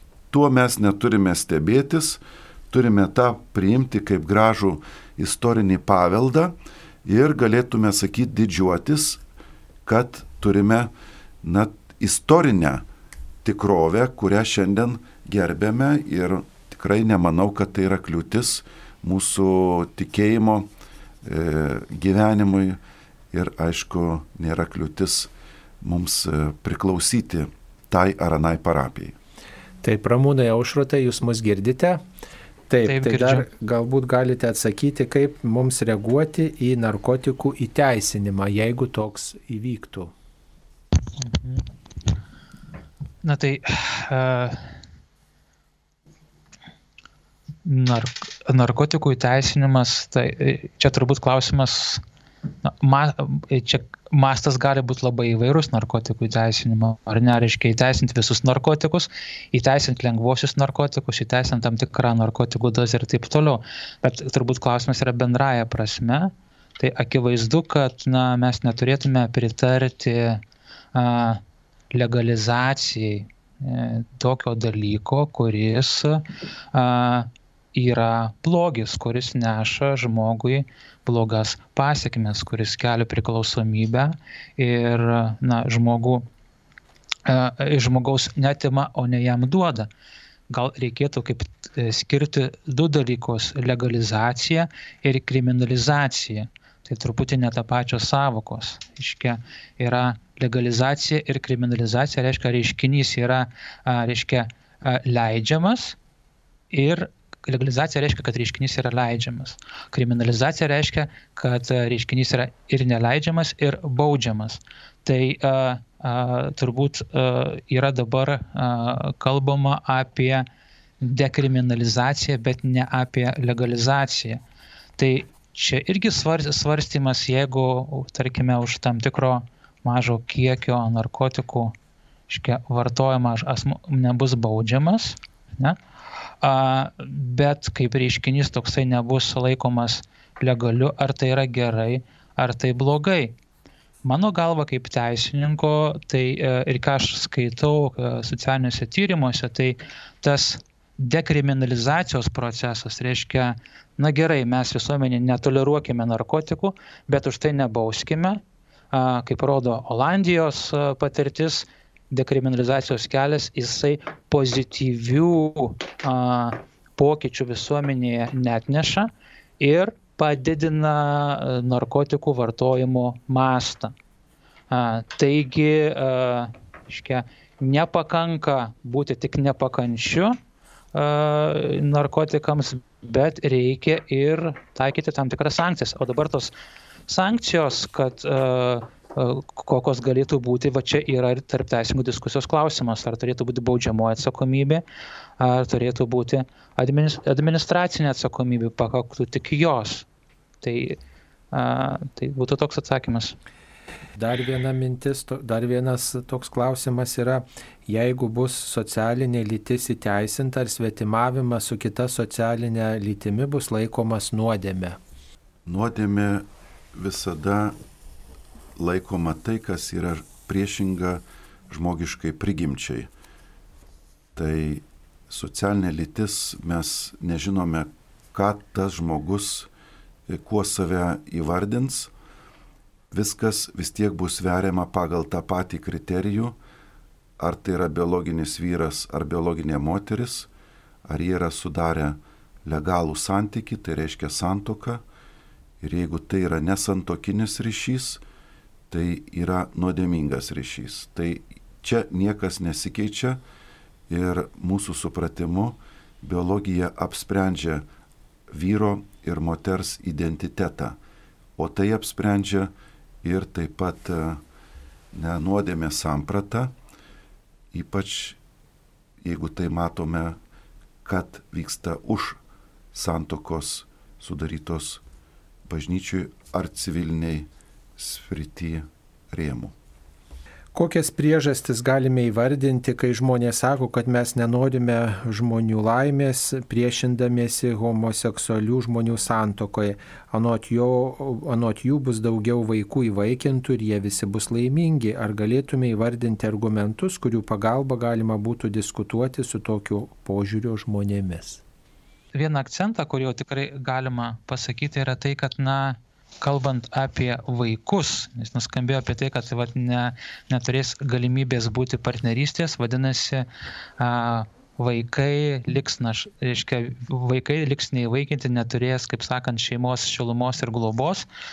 Tai reiktų pasakyti, kad geriausio, geriausia vaiko interesų principas visgi reikalauja, kad vaikas turėtų ir tėtį, ir mamą. Taip tariant, kad jis patirtų abiejų lyčių a, na, nešamą sinerginę naudą. Ir, na, Taip, papildomumą, tas papildomumas jisai, e, reiškia, reikalingas a, vaikui ir, e, ir dėl to a, pasakymas, kad, na, kad a, būtent dėl šitos priežasties reikėtų žiūrėti į geriausius vaiko interesus. Tai, taigi, a, a, partnerystė kaip tokia, jinai netitinka geriausių vaiko interesų. O truputėlį šiek tiek yra ir manipulacijos, nes pagal Lietuvos Respublikos įstatymus e, įsivaikinti gali ir negyvenantys santoko ir pavieniai asmenys. Ir tikrai yra Lietuvoje asmenų, kurie turi homoseksualią orientaciją, kalba apie moteris daugiausia, kurios turi įsivaikinę vaikų arba turi, turi vaikų globojamų, ar ne, tai, tai negali sakyti, kad nėra galimybės homoseksualiam asmeniui, ne, kuris tikrai nori spręsti Lietuvoje tą našlaitystės arba, arba tėvų neturėjimo problemą vaiką, kad jisai negali kažkokiu tai būdu prisidėti, jis gali, pavyzdžiui, būti būtintas globėjas ir, ir, ir, ir, ir duoti tą galimybę. Tikrai čia yra toks argumentas, kurio bandoma, kaip sakant, truputėlį manipuliuoti, kad partnerystė leis spręsti vaikų, kurie neturi šeimos problemą. Taip, mums paskambino Klausytoja gražina iš Kauno. Taip, mėla gražina, klauskite, jūs girdi visą Lietuvą. Gerbėjai Zukris. Per amžius. Noriu truputį kitų aspektų e, pasitarti, gal ar pasiklausti dar kartą apie komunijos dalyjimą į rankas. Magnifikat, vasaro 13 dienos va, šito mėnesio meditacijose radau nuostabų tekstą. Šventojo Kirilo Jeruzaliečio katechezę tai yra sostas, kuriame priimsi karalių. Pacituosiu truputį. Išėjęs priekin, plačiai neištiesk delnų ir neįskėsk pirštų. Kairę ranką padėk po dešinę ir padaryk tarsi sostą, kuriame priimsi karalių. Kai priimsi į delną Kristaus kūną, pasakyk Amen. Tada atidžiai žvelk į šventąjį kūną ir pašventink savo akis paskui valgyk ir rūpestingai sergėk, kad neprapultų ne mažiausia jo dalelytė. Šventąjį kūną privalai saugoti labiau už auksą ar brangakmenius ir žiūrėti, kad nemenkiausias trupinėlis nenukristų ant žemės. Po šitokio teksto tikrai norisi priimti komuniją į rankas, bet vat, kas man užkliuvo, kairę ranką padėk po dešinę. Pas mus uh, siūloma atvirkščiai. Kairę dedame ant, ant dešinės delno ir su dešinė įmame kaip tai yra pasirenkama ir kodėl vat siūloma taip ar kitaip. Ar tai čia yra bažnyčios kanono kažkokia tai nuostata, būtent taip priimti švenčiausiai sakramentą. Ar, ar tai dėl patogumo, kad va, į kairę ranką dedamo su dešinė mūsų, kaip ta vadinamoji darbinė, gal patogiau paimti ir su, su, suvalgyti matom, kad e, mūsų bažnyčiose dažnai žmonės ir pasimeta ir, ir daro netgi ne taip, nors ir, ir prieš komuniją pasakoma, kad, kad dėkite taip kairę ranką ant dešinio delno ir taip, bet daroma visada atvirkščiai. Ar čia yra kažkoks tai kanono, bažnytinio kanono nuostata, ar tiesiog kažkoks susitarimas? Ar, ar tai labai blogai, jeigu padarai kitaip, va taip norėčiau. Ir, ir kodėl kodėl e, Šventojo Kirilo Jeruzaliečio patarimas yra vienoks, o mums siūloma kitaip. Taip, ačiū. Tikrai nėra skirtumo, mėla klausytoja, kokia ranka e, mes paimsime švenčiausiai sakramentą ir priimsime jį. Aišku, kad žmogus e, yra vienas kairiarankis, kitas dešiniarankis, todėl natūraliai vienam ranka imamoji būna dešinė, kitam galbūt kairė. Kitaip sakant, su kuria valgo žmogus ir rašo ir valgo kartais su kairė, kairė rankis. Taip, o yra ir žmonių, kur ir, ir, ir ta ir ana ranka daro. Tai tikrai tai nėra bažnyčios kanonai arba nėra kažkokia teisinė nuostata, kurios būtina laikytis iš pagarbos. Čia iš tikrųjų daugiau tradicijos, kultūros dalykos ir netgi žmogaus e, ar dešiniarankio ar kairiarankio įpročiai. Tai tikrai nesureikšminkim pačio, pačios rankos, kurią e, priemam švenčiausią sakramentą. Labai svarbu tik tai, kad viena ranka būtų ant kitos, kad būtų galima ant vienos kunigui padėti rankos, o su kita ranka žmogui paimti ir įsidėti į burną. Nes jeigu su ta pačia ranka viskas būtų daroma, yra pavojus, kad mes išmesim tai iš rankų. Taip yra žmonės, kurie bando į tą pačią ranką ir priimti iš kunigo ir su tą pačią ranką įsidėti. Tai nėra gera praktika, todėl prašoma, kad abie, abiejos rankos būtų naudojamos švenčiausio sakramento priėmimui. Taip, taip, prisiminkime, kad Kirilas Jeruzalėtis gyveno ketvirtame amžiuje, tai štai kokia yra sena tradicija po komuniją priimti į rankas. Tai nėra modernių laikų įsigalvojimas, Kirilas Jeruzalėtis iš ketvirtojo amžiaus, tai štai tada pagarbiai tai būdavo priimamas viešpats ir štai dabar šitą tradiciją mes prisimenam ypatingai šios pandemijos akiratyje. E, taip, dar čia žmonės daug klausimų siunčia dėl šitos konvencijos. Ar gali tai būti, kad konvencija labiausiai suinteresuotos klinikos vykdančios embrionų atrankas ir lyties keitimo operacijas? Taip, Ramūnai, tai, jūs mus girdite? Nu tai čia dabar spėlioti turėčiau, kaip ten yra iš tikrųjų. Kas, kaip kaip sakant, nėra. Kam iš to nauda?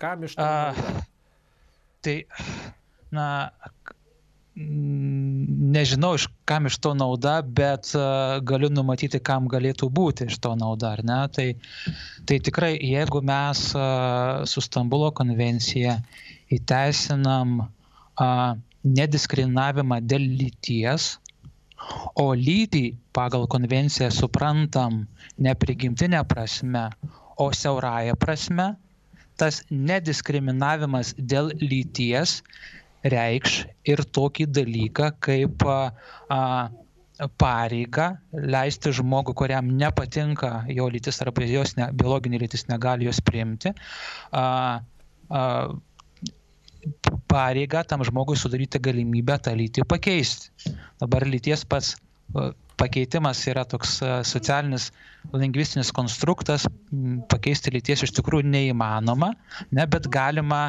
na, iškia, pakeisti pirminius, reiškia, pirminius ir antrinius lyties požymius koreguoti, ar ne? Ir taip pat taikyti asmenį hormonų terapiją.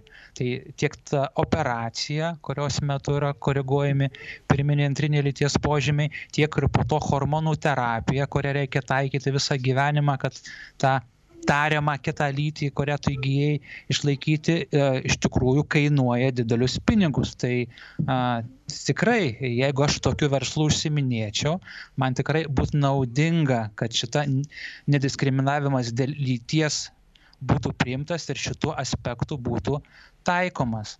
Tai a, čia galima būtų žvelgti. Dabar lygiai taip pat, a, jeigu mes tą nediskriminavimą dėl lyties aiškiname ir kaip apimantį ar ne nediskriminavimą na, įvairias lytinės tapatybės a, turinčius, išpažįstančius ar, ar save laikančius asmenis, ar ne, tai a, tie asmenys taip pat a, a, gali a, turėti tam tikrų tam tikrų reikalavimų, pavyzdžiui, na, nediskriminuojamas lytis, jeigu jisai apimtų ir nediskriminavimą santokos arba partnerystės sudarimo atžvilgiu, e, tada ir atsivėrus keliu šitam būtų įteisinta partnerystė ir santoka tos pačios lyties asmenų, nes Stambulo konvencija ir tą nišą iš tikrųjų leidžia. Tai po to, nediskriminuojant dėl lyties ir lytinės tapatybės, tie asmenys galėtų reikalauti ir suteikti jiems galimybę turėti vaikų surogacijos būdu arba dirbtinio vaisinimo būdu. Tai irgi yra medicininis, medicinė paslauga, negydymas, bet paslauga, kuri kaštuoja ir kai, kai iš to tikrai galima daryti verslą. Tai galima, taip, taip, daug rutuliuoti šitą temą, bet manau, kad suinteresuotų asmenų tikrai yra, nes nes faktas yra tas, kad konvencijos prieimimą seka didelį finansinė injekcija iš ES. ES yra įsipareigojusi. Bet man atrodo, kad visų pirma, tie dauguma pinigų nueis visai krūvai fiktyvių ir realios pagalbos moterim neteikiančių organizacijų, kurie tos pinigėlius išleis ant mokymų, naikindami stereotipus susijusius su vyriškumu ir moteriškumu. Tai, tai vat, man labiausiai vat, šitoje vietoje gaila tų išmestų pinigų ir tų mokytojų, kurie bus, sakant, liepiama į tokius kursus važiuoti, kad kvalifikaciją kelti, ir tų moksleivių, kurie turės, kaip sakant, ar studentų, kurie turės klausyti apie tai. Tai man jų labiausiai iš tikrųjų ir gaila. Taip, ar bažnyčios ganytojai negalėtų pasinaudoti ekskomuniką tiems Seimo nariams, kurie balsuotų už Stambulo konvenciją? Na, žinot, čia pirmiausia tai yra labai subtilus klausimas ir bažnyčia negali vienu abstrakčiu, galbūt netgi savo dokumentų ekskomunikuoti parlamentarus, kurie galbūt net ir iki galo ne visi supranta, šitos Stambulo konvencijos ratifikavimo blogį, tai tokie dalykai tikrai nėra taikomi. Čia yra, turi būti labai aiškus žmogaus viešas pareiškimas, kuris paneigtų tikėjimo tiesas. Ekskomunika, tiesą sakant, yra naudojama tik tai labai kraštutiniais atžvilgiais, o šiais laikais, tiesą sakant, ir labai retas jos taikymas dėl to, kad yra suprantama, kad žmogus, kuris galbūt prieštarauja bažnyčios vienam ar kitom mokymui, tiesiog nesupranta jo esmės. Todėl įvertinti jo e, nesupratimą ir šito klausimo yra labai sudėtinga ir dėl to padaryti sprendimą kad jis nepriklauso katalikų bažnyčios bendruomeniai. Taip, Dar e, vienas klausimas, ar bažnyčia nepersistengia su kritika šiai konvencijai, kodėl tiek pasipiktinimo nėra dėl smurto artimoje aplinkoje. Iš tikrųjų, gali susidaryti įspūdis, kad bažnyčia, nepalaikydama šitos konvencijos ratifikavimo, tiesiog yra už smurtą aplinkoje ir tame tarpe prieš ypač moteris. Tai yra siaubinga klaida kurią nori e, oponentai primesti bažnyčiai, kad jie atmesdama šią konvenciją iš tikrųjų yra usmurta. Mes gerai suprantame, kad konvencijoje yra daug teksto, kuris yra teisingas, sakantis, kad smurtas yra netoleruotinas, bet turi išgirsti visuomenė taip pat ir kitą bažnyčios e, ir jo palaikančių žmonių susirūpinimą, kad šią konvenciją yra tiesiog keičiama lyties samprata, dar daugiau mes keičiame teisinę sistemą, mąstymą, turėsime tai daryti savo švietimo sistemoje, reiškia keisim jaunų žmonių mąstymą.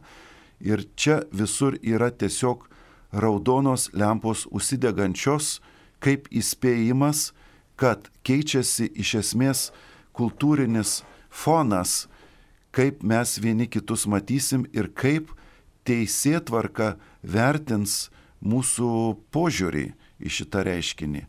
Bažnyčia sako, kad daug Lietuvos Respublikos įstatymų jau atitinka Stambulo konvencijos nuostatas ir jinai yra perdėta.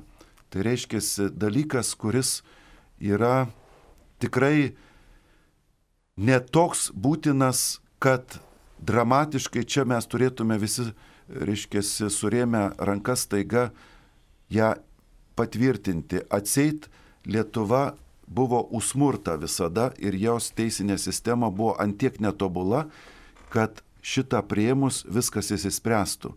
Atvirkščiai, Lietuvos teisinė sistema yra viena iš, sakytume, tvarkingiausių tuo klausimu ir daug padaryta E, dėl smurto užkardimo šitose na, artimoj šeimos aplinkoje smurto prieš moteris.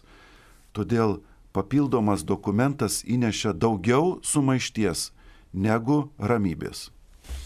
Reikia pasakyti, kad bažnyčia turi įvairias organizacijas, kurios kaip tik rūpinasi žmonėmis nukentėjusiais nuo smurto, tai tuo rūpinasi Karitas organizacijos ir yra pavyzdžiui net Mortos, Šventos Mortos grupė, kuri rūpinasi apskritai žmonėmis patekusiais į vergovę, tai taip pat yra smurto rūšis.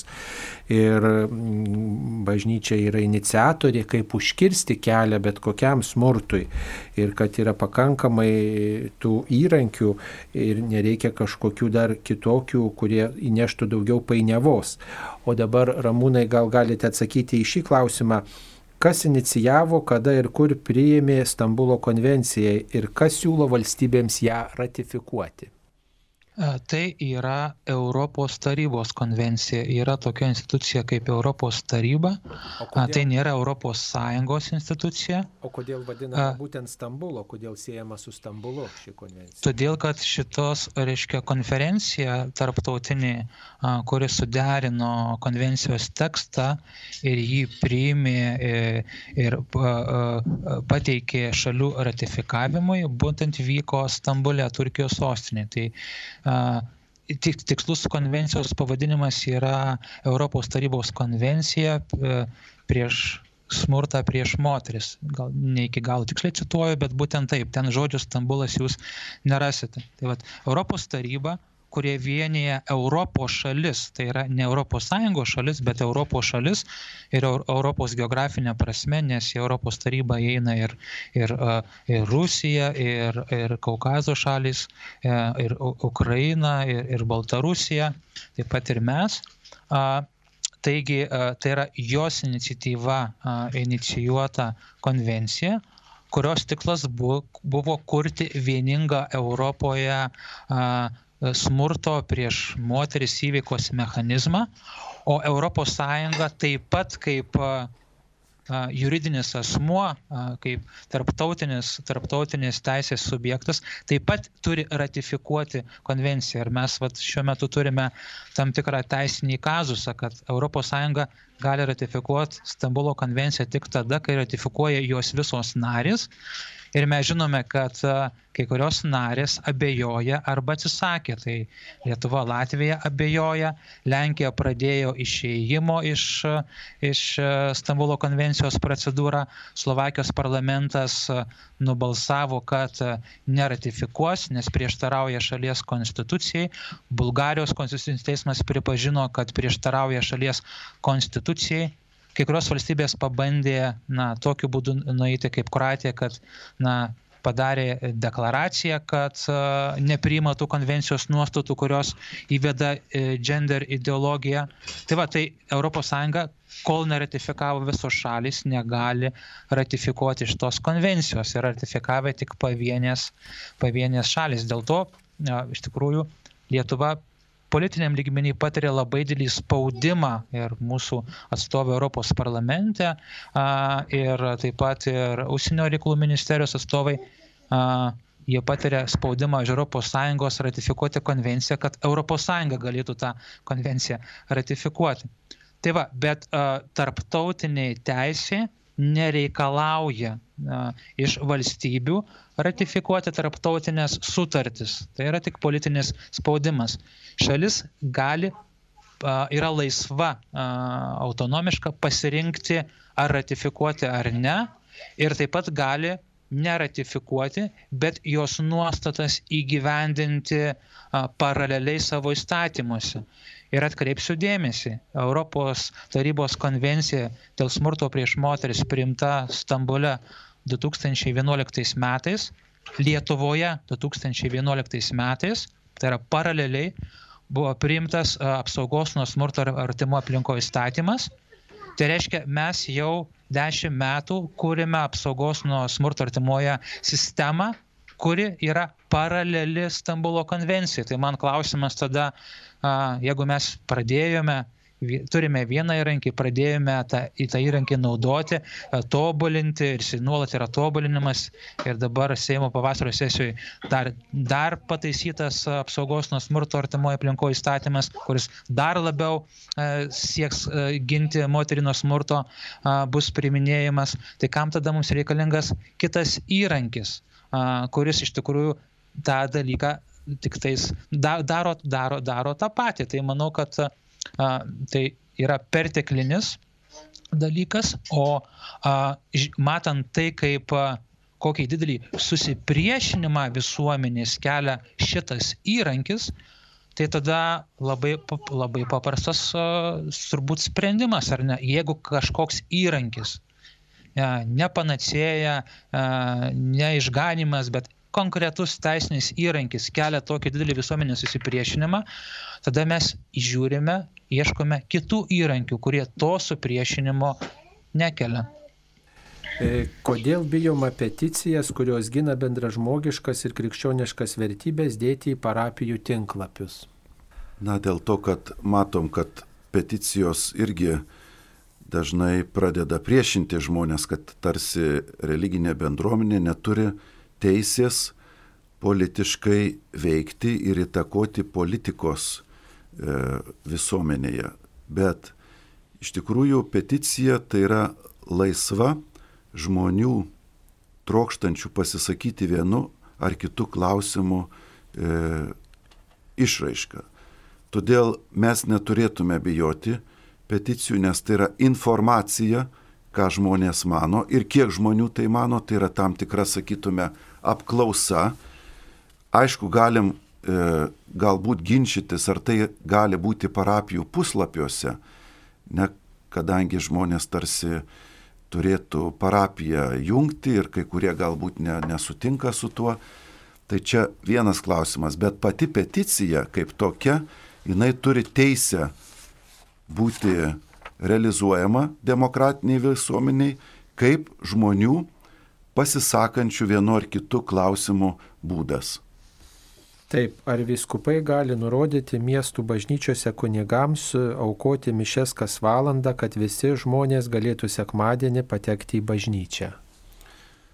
Na, galėtų nurodyti, kas valandą aukoti, bet šiuo metu suprantam, kad nėra tokio reikalo ypatingo, nebent būtų tokia dramatiška situacija, kad negalėtume išlaikyti atstumų mūsų bažnyčiose, tada mišių skaičių reiktų padidinti. Šiaip viskupai jau yra savo kunigus informavę, kad būtų pasiruošę prie tokios praktikos ir, jeigu reikia, laikus padažninti, ypač sekmadienį, kad žmonės galėtų šventose mišiuose dalyvauti.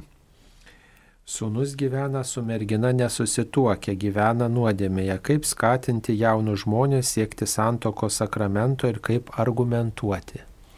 Pirmiausia, tai reiktų pasikalbėti, kad tas žmogus, kuris gyvena su manim imtimų gyvenimą, jeigu jis yra neįsipareigojęs vienas kitam, gali būti, kad jisai tiesiog naudojasi manimi.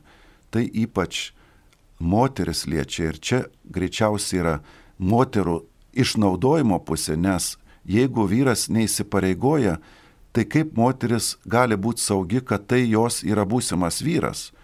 Ir jeigu susilauks tokia pora vaikų, ar tas, pavyzdžiui, vyras bus įsipareigojęs juos auginti, jeigu nėra santokinių saitų, tai čia turėtų pirmiausia būti visuomeniai kaip čia pasakyti, banga apsaugoti vat moteris nuo to nesaugumo, kurį iš tikrųjų partnerystė įteisint nori net e, įstatyminių lygmenių.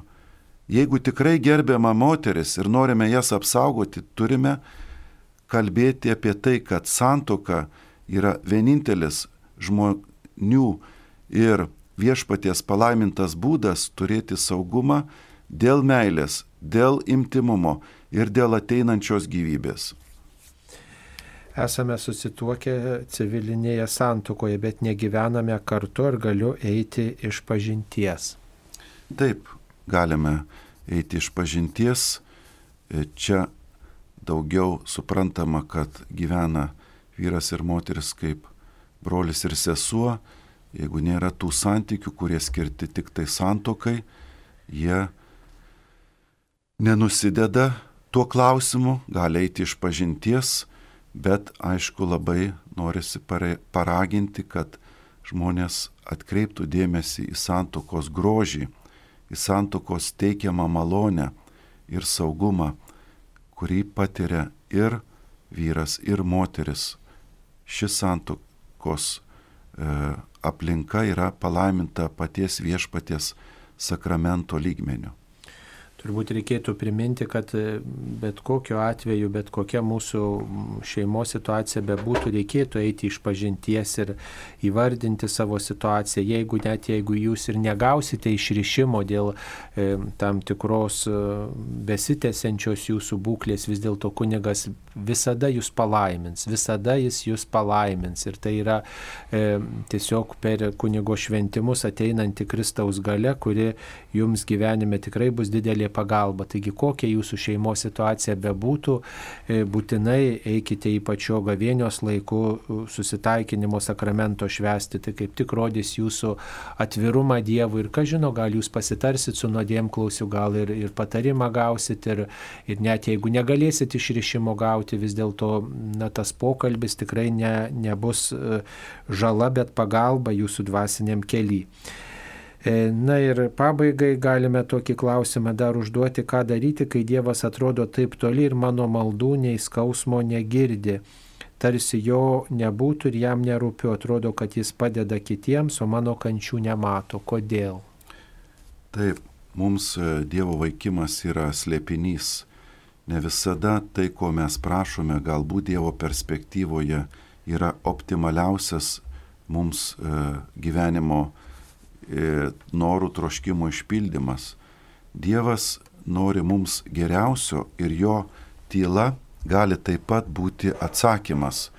Galbūt esu nepasiruošęs tai maloniai, kurios prašau, galbūt dalykas, kurį prašau, man nepadės išganimo kelyje, pagaliau Dievas, neatsakydamas tam kartui į, maldo, į mano maldą, ugdo manyje ištvermę, ugdo ilgesi, ugdo troškimą dar karščiau ir labiau melstis.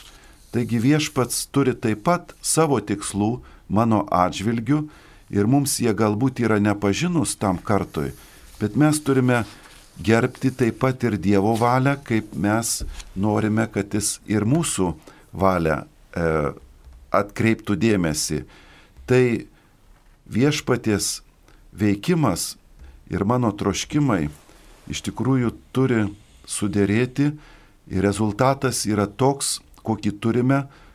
Vienu žodžiu galim sakyti, kad viešpats visais atvejais atsako net ir tuo metu, kai atrodo jis tyli.